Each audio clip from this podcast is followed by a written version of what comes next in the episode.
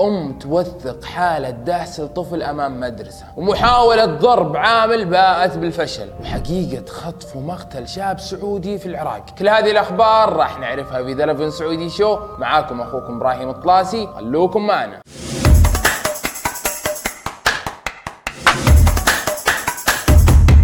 انتشر مقطع. الوحدة تصور صغار طالعين من المدرسة وتتكلم عن الفوضى اللي تصير لهم دايم وقت خروجهم من المدرسة. وهي تصور هذه الأم صارت مصيبة تخوف وتضيق بالصدر. أدري يا بنات قسما بالله دائما عندي قلق من مدارس الأولاد. أنتم مثلي. أحس دائما مضارباتهم كثيرة ومشاغباتهم كثيرة وللأسف ما في أحد يراقب عليهم. عيالك يداومون وأنت قلب يدك على قلبك. والله العظيم ما يداومون أولادي إلا أنا أقول يا رب احفظهم يا رب استر. صراحة ما تدري من تلوم أهل الطفل ولا المشرفين اللي داخل المدرسة. يعني أنت عارف أن عندك ولد صغير ويطلع بالتوقيت الفلاني مو معقولة تخليه يطلع وسايب بالشارع وبدون أي مراقبة منك واهتمام. وبالنسبة لبعض المشرفين بالمدارس تعالوا تعالوا أبيكم كلمة رأس أنا. كل همك تجي وقت بصمتك عشان تحط رجلك وتنحاش. طب أنت ما تعرف أن وراك مسؤولية كل هذول الأطفال اللي جاهم شيء؟ حنا نعرف أنه صعب السيطرة على الأطفال وقت خروجهم. لكن لكن لكل مشكلة حل. الأهم أنك تبادر وتحاول. والحرمة الحرمة مسكينة اللي تصور واضح اندمجت مع النصايح اللي تقولها وما عاد شافت حتى صغير وهو يندعس. السلام عليكم. اليوم نتكلم عن بعض المشاكل اللي بالمدرسة والادعاءات اللي تقول إنها ما زالت مستمرة ليومنا هذا سواء من الكتابة الجدران أو المضاربات أو حتى نقص التوعية.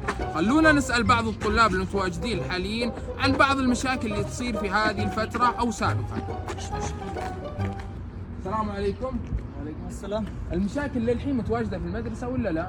إيش بنت؟ مشاكل ما عندنا. مشاكل ما في مشاكل ما في. عليك. زي ما أنتم عارفين الوضع الحالي تغير وما عاد صار في مشاكل زي قبل.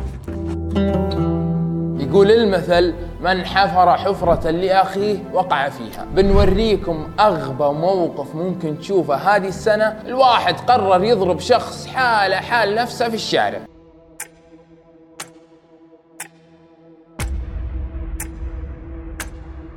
شر البلية ما يضحك والله. تدرون وش كنت أتمنى؟ أتمنى أن اللي ضربوه يكون واحد باكستاني متعافي يشبه ذا. ينزل لهم ويعلمهم كيف الأدب. لأن كانت بتكون فرصة له يكمل المشهد ويسطره ويمردغه على وجهه يوم طاح على الأرض. يا أخي بعض الناس ما تخجل على عمرها. تلقاه كبير بدقنه وشنبه وهذه حركاته. اللي الطفل وهو طفل يستحي أصلا يسويها. وش استفدت الحين يا الدب من اللي سويته؟ طحت على وجهك وضحكت الناس عليك وخليتهم يتهزون فيك.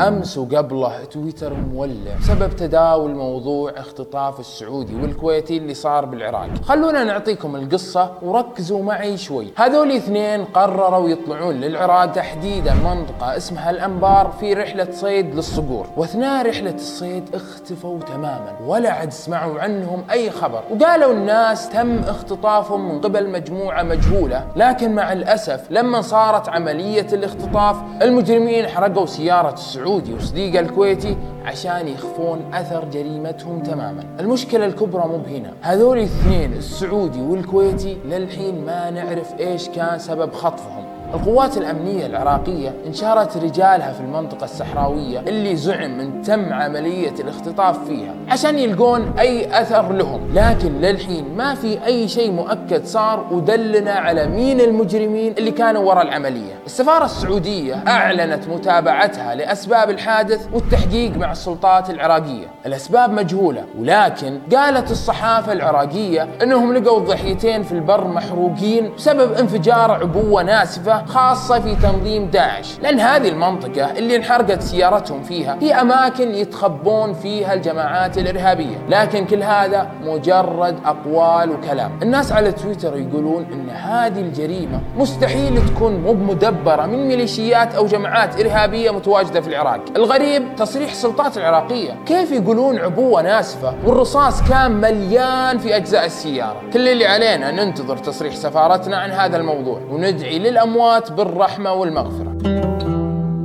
وهذه كانت آخر أخبارنا في ذا سعودي شو. كان معكم أخوكم إبراهيم الطلاسي. لا تنسون تشتركون في قنواتنا. سلام عليكم.